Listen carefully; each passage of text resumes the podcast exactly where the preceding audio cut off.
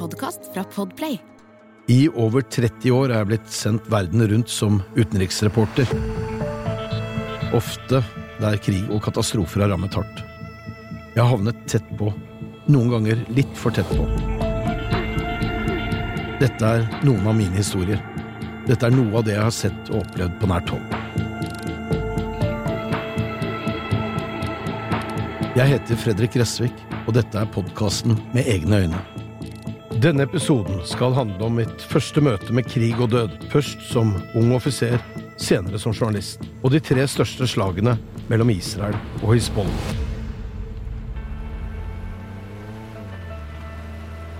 Det var 12. juli 2006. Klokken nærmet seg ti på formiddagen da en gruppe fra den libanesiske Hizbollah-militsen angrep to kjøretøy med israelske soldater som patruljerte gjerdet langs grensen mellom Libanon og Israel. Begge bilene ble truffet med granater og tok fyr. Minst tre av de israelske soldatene ble drept på stedet. Men to andre, Edad Regev og sersjant Eod Goldwasser, ble slept over grensen til Libanon av Hizbollah-soldater. Da israelske forsterkninger ankom og forsto hvor galt det hadde gått, gikk alarmen. Fra en strand i Hellas fulgte jeg utviklingen de neste timene nøye. Det ante meg raskt at nok en ferie ville bli avbrutt, og at jeg om kort tid ville befinne meg langt unna kaldt øl og gresk salat. Jeg fikk rett. Angrepet 12. juli 2006 skulle bli starten på en av de hardeste krigene i Libanon. I hovedsak en krig mellom regulære israelske styrker og Hizbollah-militsen, som mange år i forveien var opprettet for å drive motstandskamp mot de israelske okkupasjonssoldatene som hadde okkupert Sør-Libanon siden 1982. Riktignok hadde israelerne trukket seg nesten helt ut i 2000, men fortsatt okkuperte de et lite, men strategisk viktig område i det som i sin tid var inne i den norske FN-bataljons operasjonsområde fra 1978 til 1998. Jeg skal komme tilbake til krigen i 2006. For det var gjennom arbeidet som presse- og informasjonsoffiser i den norske FN-bataljonen, før jeg ble TV 2s krigsreporter, at jeg fikk mitt første møte med Libanon, og med krig. Jeg kom til landet med noen hundre andre norske soldater og offiserer i november 1992. Jeg skulle bli i over et år. I uniform, bevæpnet med en 9 mm Glock-pistol og en AG3, samt beskyttet med splintvest og hjelm, gikk jeg løs på oppgaven med å formidle nyheter hjem til Forsvaret fra Norbat. Dette var rett etter at den libanesiske borgerkrigen var over, men det var fortsatt krigshandlinger flere steder. Syria kontrollerte store deler av Libanon på denne tiden, og vi holdt til inne i den israelsk-okkuperte sonen. Et område preget av daglige sammenstøt og kamper mellom partene. Israel hadde opprinnelig invadert Libanon for å stanse palestinske motstandsbevegelser som PLO fra å operere fra libanesisk territorium. Underveis skaffet israelerne seg nye fiender blant den libanesiske befolkningen. Jeg ble litt overrasket da jeg den første morgenen våknet av maskingeværild fra en av de israelske posisjonene i nærheten, og forsto at dette var normalen. Ved morgengry angrep Hizbollah israelske posisjoner. Bomber kunne være lagt i veikanten for å ramme okkupasjonssoldatene, eller milits lå klare bak steiner og kratt, for så å gå til angrep når de israelske veiklareringspatruljene kom. Begge sider tok tap. Ofte ble det også gjennomført større angrep med raketter og granater. Hizbollah hadde på den tiden forholdsvis dårlige Katusha-raketter som fløy litt på måfå, og sjelden gjorde større skade på militære mål, men som på den andre siden bidro til å terrorisere den israelske sivilbefolkningen hvis de ble skutt mot bebodde områder over grensen. En del av rakettene deiset også ned i det norske området. Israel på sin side hadde flere artillerienheter tett på de norske posisjonene. Daglige sammenstøt og kamper. Daglige dødsfall blant sivile og soldater. både i området til den norske bataljonen som var plassert ved foten av Golanhøyden i øst, og hos soldatene fra de andre FN-nasjonene lenger vest.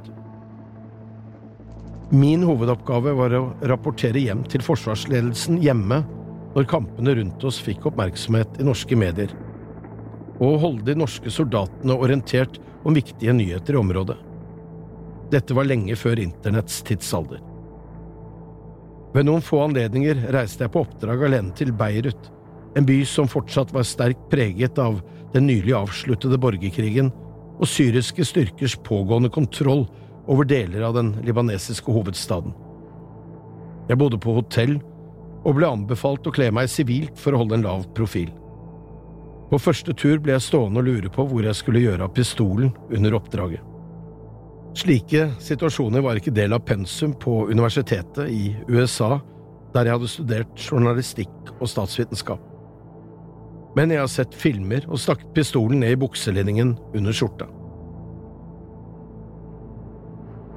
Søndag 25. juli kom jeg ut fra det lille huset som var kombinert kontor, radiostudio og mørkerom for meg og to korporaler som drev radiosendingene.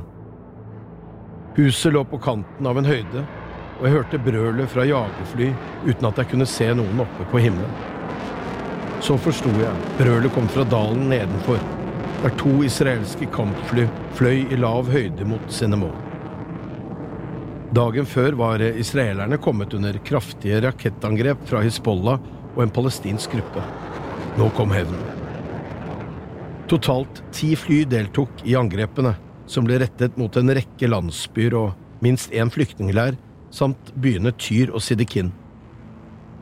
Angrepene var starten på en uke med svært heftige kamper. De hardeste siden den andre israelske invasjonen av Libanon i 1982. Det ble skutt med kraftig skyts begge veier. For oss som lå tett på og mellom de stridende partene, skulle det bli noen minnerike dager, for å si det forsiktig. Jevnlig gikk alarmen, og vi måtte ned i bomberom eller nedgravde tilfluktssteder. Artillerigranater og raketter fløy over oss, og på et tidspunkt forsøkte israelerne å etablere artilleriposisjoner inne i det norske ansvarsområdet. Men norske soldater kjørte i front av kanonvognene, slik at de ikke fikk skutt ut granater uten å gjøre skade på nordmennene. I libanesiske landsbyer og byer døde sivile. Livredde mennesker på begge sider av grensen flyktet vekk fra kamphandlingene. Selv ble jeg sendt over grensen til Israel, der verdenspressen nå hadde samlet seg for å rapportere om krigen. Jeg snakket med journalister og overvar den israelske hærens pressekonferanser. Så dro jeg til FN-styrkens hovedkvarter for å intervjue styrkesjefen, som på den tiden var den norske generalen Trond Furuhovde. På vei tilbake til den norske bataljonen hoppet jeg ut av bilen for å åpne en bom ved en veisperring bemannet av israelernes allierte i Sør-Libanon, kristne SLA, den sørlibanesiske hæren, tidligere kjent som major Haddads milits. Mens jeg holdt porten åpen slik at sjåføren kunne kjøre gjennom, ble en maskingeværbygge skutt i vår retning høyst sannsynlig for å advare oss, slik at vi kom oss vekk. For i neste øyeblikk hørte jeg den karakteristiske pipende lyden av Katusha-raketter som falt fra himmelen. Jeg krøket meg sammen ved bilen. Flere raketter slo ned i nærheten. Minst én av dem under 30 meter unna. Uskadde spant vi av gårde til en fidsjiansk FN-posisjon, der vi søkte dekning for en stund. Hendelsen var den første av slikt alvor for meg. Det skulle bli mange flere. På vei gjennom den sørlibanesiske byen Tibnin søkte vi på nytt dekning, denne gangen hos gjengen i FNs norskdrevne verkstedkompani. Her så jeg for første gang et dødt menneske, og hvilke grusomme skader granater kan forårsake. Inntrykkene står fortsatt klart for meg. To sivile israelere ble drept i kampene. Det ble også 140 sivile libanesere. 300 000 libanesere flyktet nordover i løpet av den uken kampene varte. For mitt vedkommende var dette den første av tre fullskala kriger mellom Israel og Hizbollah, jeg skulle kjenne på kroppen. Det skulle bare gå tre år før det smalt for alvor igjen. Denne gangen som en del av daværende statsminister Simon Peres sin valgkamp mot utfordreren og Likud-lederen Benjamin Netanyahu. I november 1995 ble mannen som på vegne av Israel hadde inngått Oslo-avtalen om palestinsk selvstyre med palestinernes Yasir Arafat, skutt og drept av en israelsk jøde som ikke mente at palestinerne fortjente egen stat. Attentatet mot Israels statsminister Yitzhak Rabin sjokkerte en hel verden.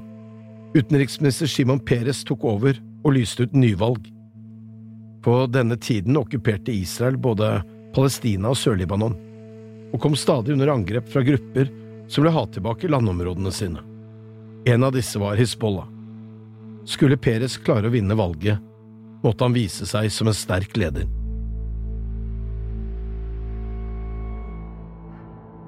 Gjennom vinteren 1995–96 hadde Hizbollah gjennomført en rekke vellykkede angrep på israelske styrker. Soldater kom hjem i kister. For Peres holdt ikke å bare være en fredsstue hvis han skulle vinne valget. Da Hizbollah gjennomførte et voldsomt rakettangrep mot Nord-Israel som hevn for at tre sivile libanesere var drept i et israelsk angrep, var voldsspiralen i gang. Med jagerfly, kamphelikoptre og artilleri angrep Israel Libanon 11. april 1996. Hoveddelen av angrepet var rettet mot Sør-Libanon, men også hovedstaden Beirut lenger nord ble bombet. Flere hundre tusen la på flukt, vekk fra kampene. Vekk fra granatene og rakettene. Også fra de nordligste byene og landsbyene i Israel pakket sivile sammen og dro. Flere steder var det harde bakkekamper, men israelerne var teknologisk overlegne. Jeg ble sendt av gårde for å komme meg inn i kampområdene i Sør-Libanon. I Beirut fikk jeg leid meg en lokal fotograf og sjåfør, og kjørte sørover for å rapportere. Det var en del sikkerhetsutfordringer, for å si det mildt. Én ting var at det i seg selv var farlig å operere i et krigsområde, men israelerne hadde bombet alle farbare veier unntatt kystveien. Folk kunne få flykte nordover, men de hadde gitt klar beskjed om at biler som kjørte sørover, ville bli beskutt, enten de inneholdt Hizbollah-krigere på vei til fronten eller journalister på oppdrag. Utenfor kysten, mellom byene Beirut og Saida, lå israelske kanonbåter. De neste dagene skulle jeg gjennom det samme marerittet, gang på gang. En to–tre kilometer lang strekning av kystveien lå åpen. Den libanesiske hæren advarte alle, men skulle vi få rapportert fra krigen, var dette veien vi måtte ta. Den gang var det såpass teknisk utfordrende å få sendt hjem TV-reportasjer at jeg måtte returnere til Beirut hver ettermiddag. Etter å ha fått advarsler om hva vi hadde i vente, tok vi på oss skuddsikre vester og hjelmer. Sjåføren tråkket gassen i bånn, ba Gud om nåde og lot det stå til. Jeg så ut mot båtene. To raske lysglimt fortalte meg at det etter alt å dømme var to granater på vei, og at det snart ville smelle. Men det er heldigvis komplisert å treffe en bil som kjører fort på tvers av ildbanen. Den ene granaten eksploderte med et drønn. Da den andre smalt, føltes det som om hele bilen lettet fra bakken av trykket. Og så var vi i le bak en åskam. Senere den dagen, sør for havnebyen Tyr, kom et israelsk F-16 jagerfly bak kolonnen med pressefolk og fyrte av en rakett. Også dette var bom. Heldigvis. Men hver eneste dag sto det nye utbrente bilvrak på den åpne strekningen, eller Dødens vei, som den nå ble kalt. Det var ubehagelig, men vi kom oss dit vi skulle. På sykehuset i Tyr traff jeg ambulansesjåføren Abbas Iha fra Mansour.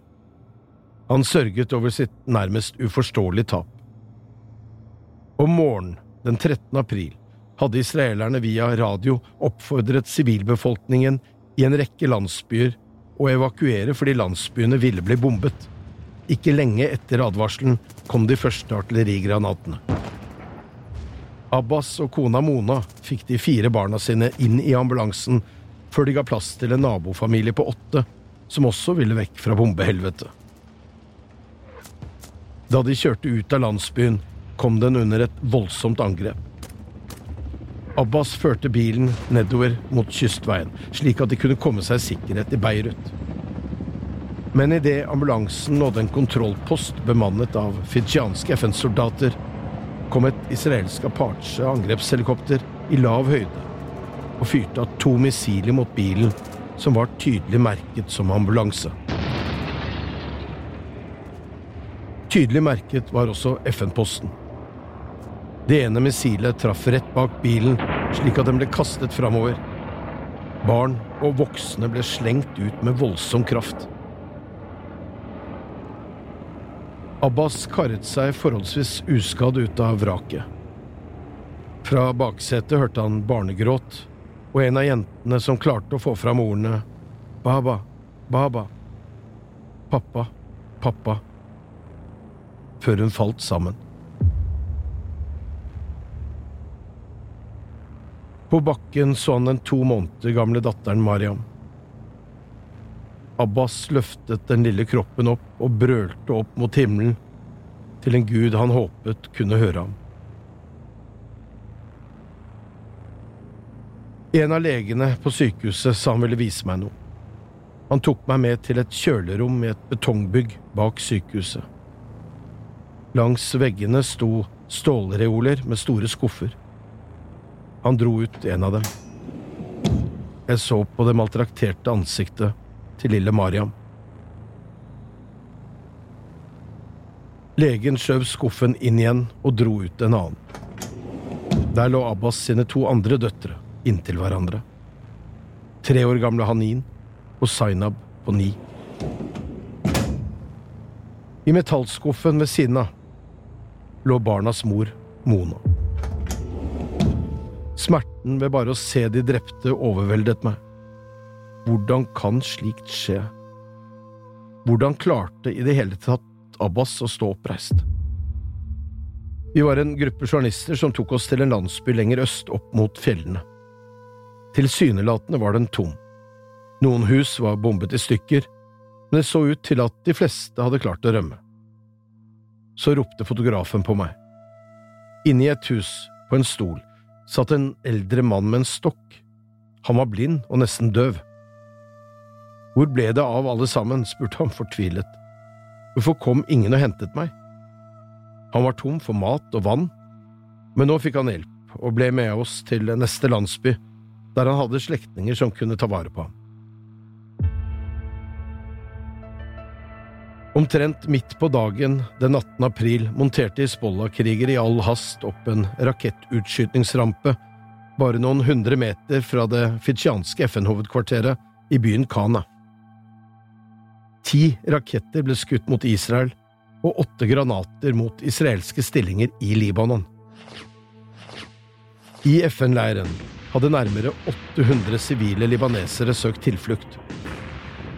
FN-soldatene forsto at de var i fare for å bli truffet av israelske granater, og forsøkte nå å geleide folk inn bak sandsekker og betong. Men ikke alle rakk å komme seg i sikkerhet. Fra to israelske artilleristillinger kom det en skur av granater mot Kana. Angrepet pågikk i 20 minutter, selv om det bare tok et par minutter før FN varslet Israel om at de skjøt mot en FN-stilling og at ilden måtte opphøre. 13 av granatene slo ned i leiren og drepte 106 mennesker. Mange av dem var barn. Hele familier hadde søkt tilflukt på nettopp dette stedet fordi de trodde det var tryggere enn å bli i sine egne hjem. Blod og kroppsdeler lå over et stort område. TV 2s innleide fotograf var allerede i gang med å filme da jeg ankom leiren. Ødeleggelsene var ufattelige. Ved hovedporten var vaktholdet forsterket med en gruppe norske soldater. De kunne fortelle meg hvor grusomt det hadde vært. Fortsatt pågikk opprydding og sortering av døde. FN-soldater, helsearbeidere og journalister knakk sammen, men måtte bare fortsette jobben. Mange av oss, om ikke alle, skulle bære inntrykkene med oss for alltid.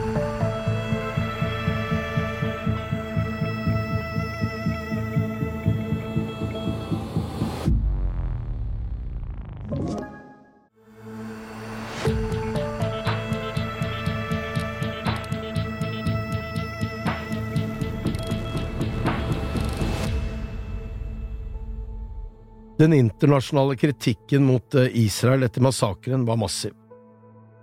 Israelerne hadde bombet en FN-leir som hadde ligget på samme sted i en årrekke. Israel skyldte på Hizbollah, som hadde skutt raketter fra området, men statsminister Shimon Peres følte seg likevel tvunget til å stanse angrepene mot Libanon. Da kampene stilnet etter 17 dager 27. april 1996, var rundt 160 sivile libanesere drept. Det var heldigvis ingen sivile tap på israelsk side. Trusselen mot de israelske okkupantene fra Hizbollah var på ingen måte fjernet. En måned senere tapte Shimon Peres valget, og Benjamin Netanyahu tok over som regjeringssjef. Kamper mellom Hizbollah og Israel fortsatte i årene som fulgte. I 1998 trakk de norske styrkene seg ut av Sør-Libanon og ble erstattet av indiske FN-soldater.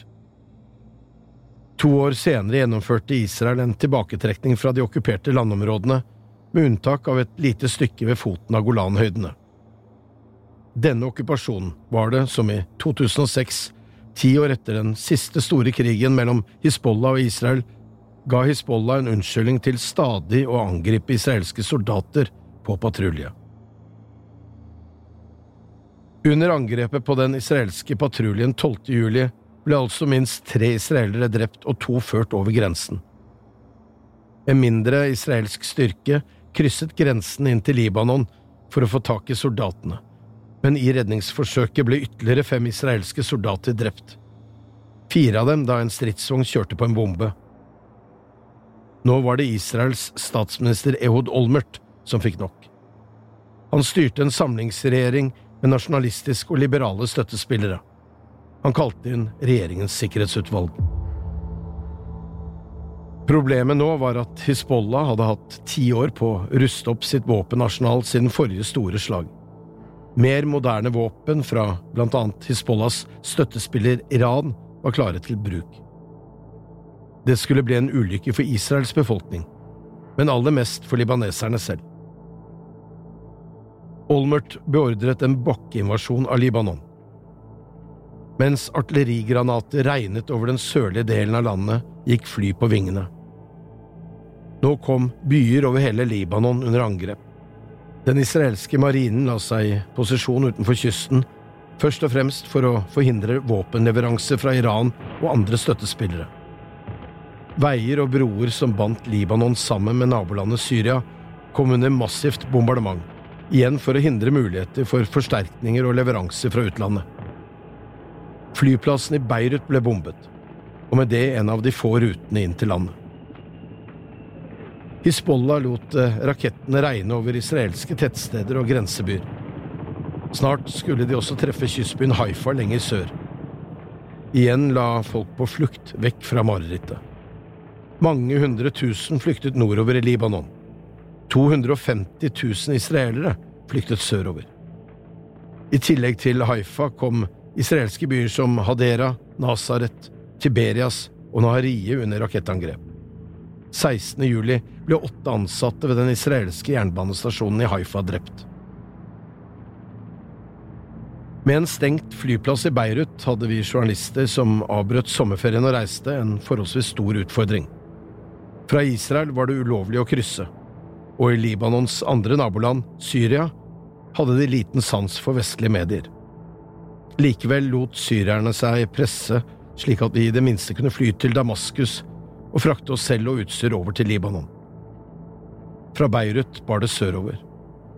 Nok en gang med trusler om at biler som kjørte i den retningen, risikerte å bli skutt i stykker.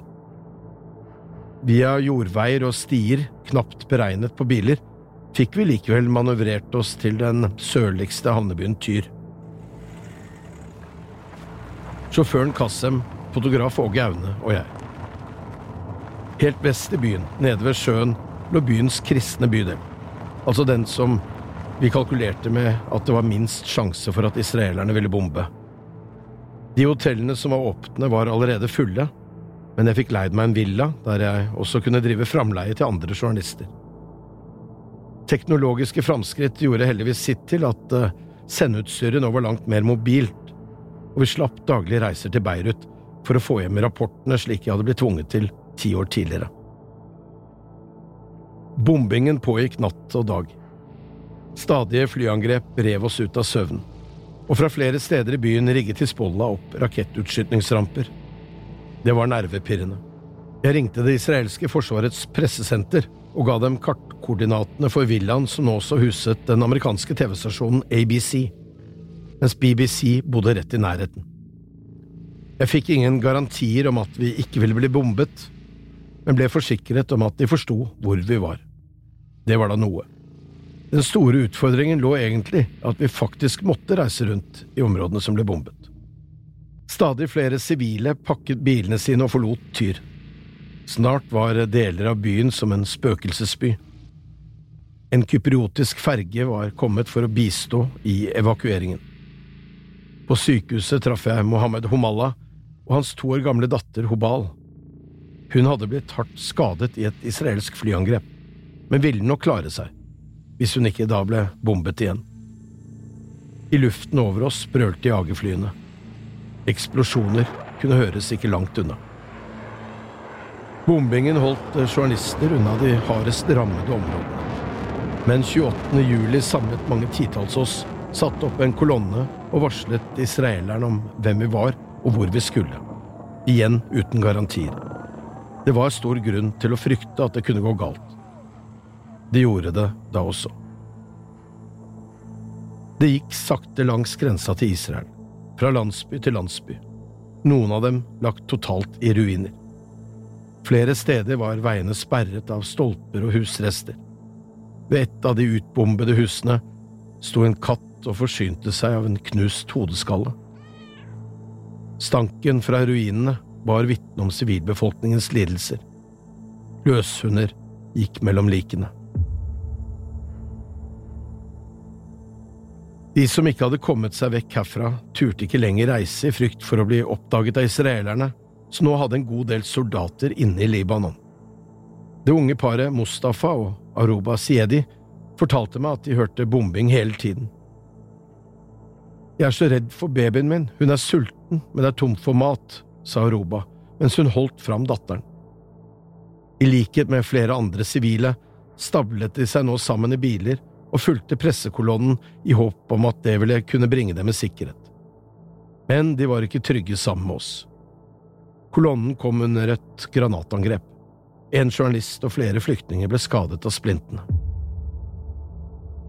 På et snekkerverksted i Tyr ble det jobbet på spreng. Et trettitalls kister var nummerert og fylt opp med døde fra nærliggende landsbyer og klare til å bli fraktet til en av byens midlertidige massegraver. På kiste nummer 104 sto navnene til tre små brødre, Ali, Mohammed og Taleb. På kiste nummer 101 sto det skrevet Nasira Burro, en bestemor fra landsbyen Nasrie. Barnebarnet Kadisha fortalte meg at huset deres var blitt bombet, og at ingen kom og hjalp dem. Israel ødelegger alt, sa hun. I kiste nummer 106 ble det aller yngste offeret lagt den dagen. På lokket sto det skrevet på arabisk Det myrdede barnet ble en dag gammelt sønn av martyren Susann Tash Aldin. Den lille gutten døde sammen med sin mor.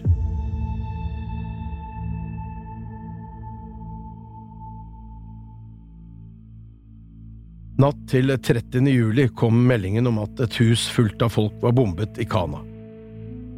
Enda en massakre på uskyldige sivile, i samme by som sist.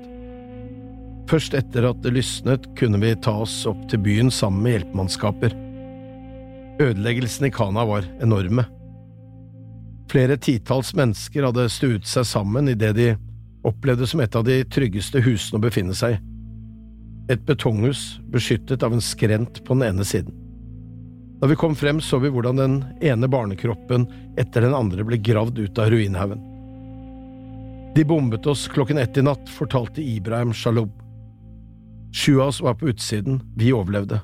De som var inne, døde. De er noen jævler alle sammen, la han til og lovet hevn. I landsbyen Srifa gikk Hussein Manai rundt i ruinene og lette etter sønnen. Det var flere dager siden landsbyen var bombet i stykker, men ingen hjelpemannskaper kom før oss. Det er mange barn her, hele familier er drept, de kunne ikke flykte på grunn av angrepene, sa Hussein. Han fant sønnen, død. Rett før en direkterapportering til en kveldssending på TV 2 kom en pickup med Hizbollah-soldater kjørende til et av de to stedene i Tyr pressen var samlet. De rev en presenning av planet og rettet rakettene mot Israel eller israelske stillinger, før de fyrte av den ene raketten etter den andre, vel vitende om at de var i ferd med å bruke oss som levende skjold, og at det var stor grunn til å frykte et granatangrep mot vårt område hvert øyeblikk. Åge vred kameraet mot rakettene da de ble skutt ut, og i neste øyeblikk kom to skjeggete krigere og dro ham med seg. Jeg løp etter for å forsøke å forhandle. Det endte med at vi beklaget de inntrufne, og at de fikk opptaket vårt, og tok hverken med seg kamera eller fotograf. Heldigvis. Men hendelsen ble rapportert til TV-seerne. Noen ganger kan nervene bli litt tynnslitt i en kampsituasjon, både for krigere og journalister. Strømnettet var ødelagt, vannforsyningene brutt. Ukene gikk. En natt smalt det ubehagelig nær villaen vår.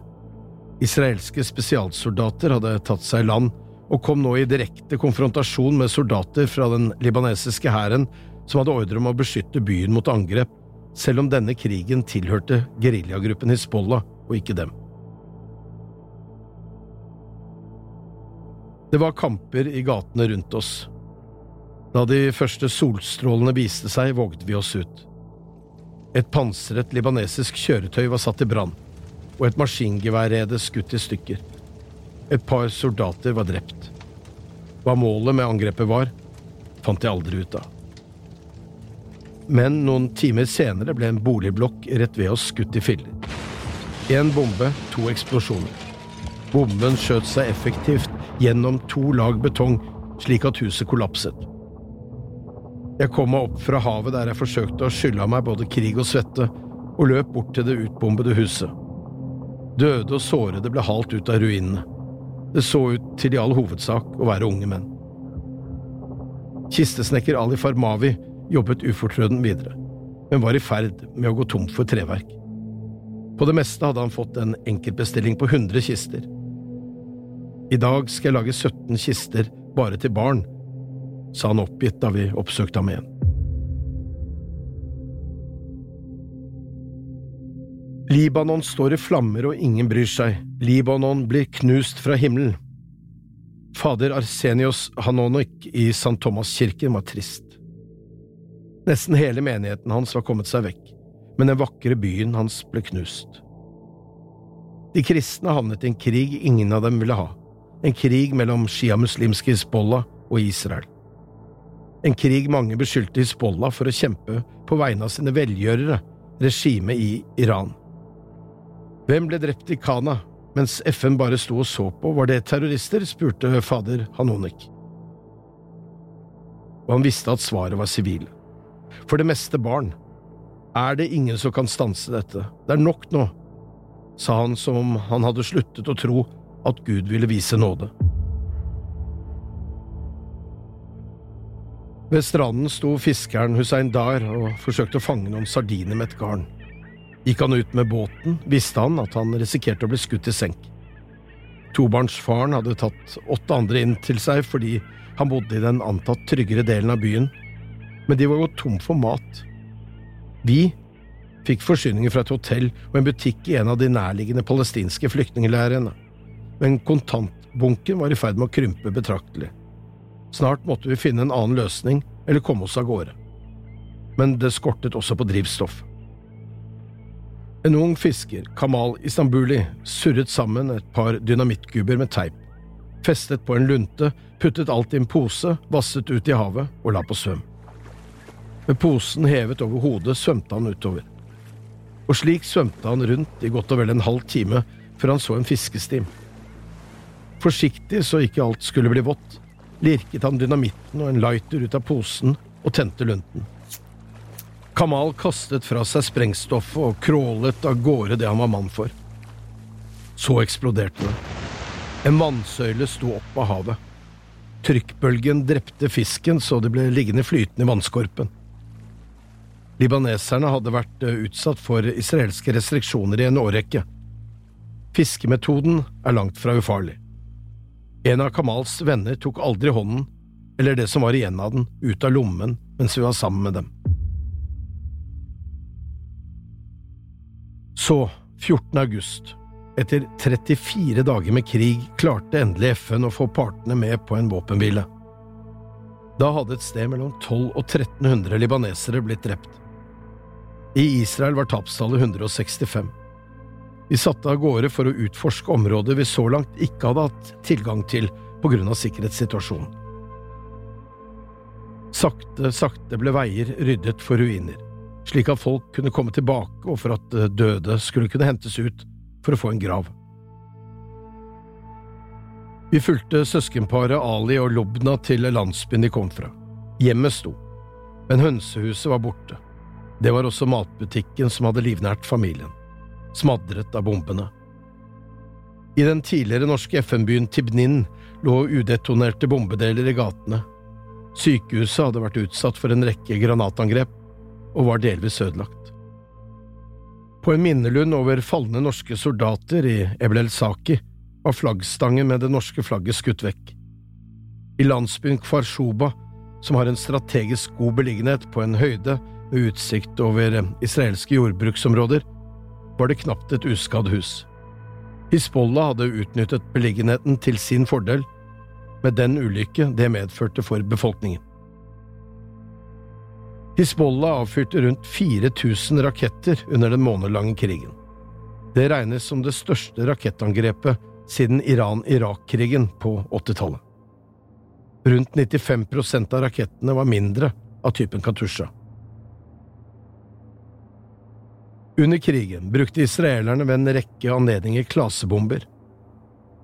Dette er bomber som eksploderer over bakken og sprer en rekke mindre bomber som blir liggende som miner over et større område. Hovedproblemet med disse er at de utgjør en trussel i lang tid etterpå. Jeg har selv møtt barn som har blitt skadet i lek og sett en god venn dø fordi han fant noe spennende og plukket det opp, slik barn gjør. Hva som egentlig skjedde med de to israelske soldatene Edad Regev og sersjant Ehud Goldwasser, som ble dratt over grensen til Libanon 12. juli 2006, er det uenighet om. Libaneserne hevdet at de ble drept i et israelsk angrep. Men etter at de to døde kroppene ble returnert til Israel som del av en fangeutveksling to år senere, konkluderte israelerne med at de hadde blitt drept under Hizbollah-angrepet sammen med sine tre kolleger. Da sjåfør Mohammed Safa fraktet Åge og meg trygt tilbake til Beirut, kjørte vi først hjem til ham. Han visste at boligblokken hans i et eh, såkalt Hizbollah-nabolag var bombet. Den ene veggen var helt borte. Mohammed pekte opp på en sofa som stakk halvveis ut av ruinen. Den er min.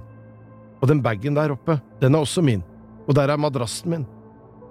Men ved Gud, sa han, jeg bryr meg ikke om materielle ødeleggelser. Det er menneskene som er viktige.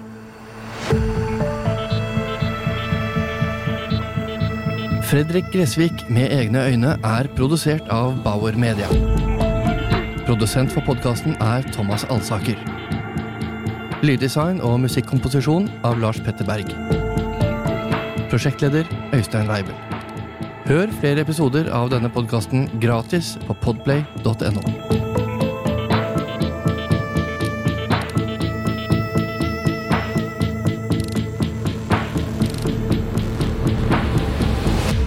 Du har hørt en podkast fra Podplay.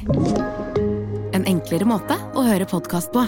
Last ned appen Podplay eller se podplay.no.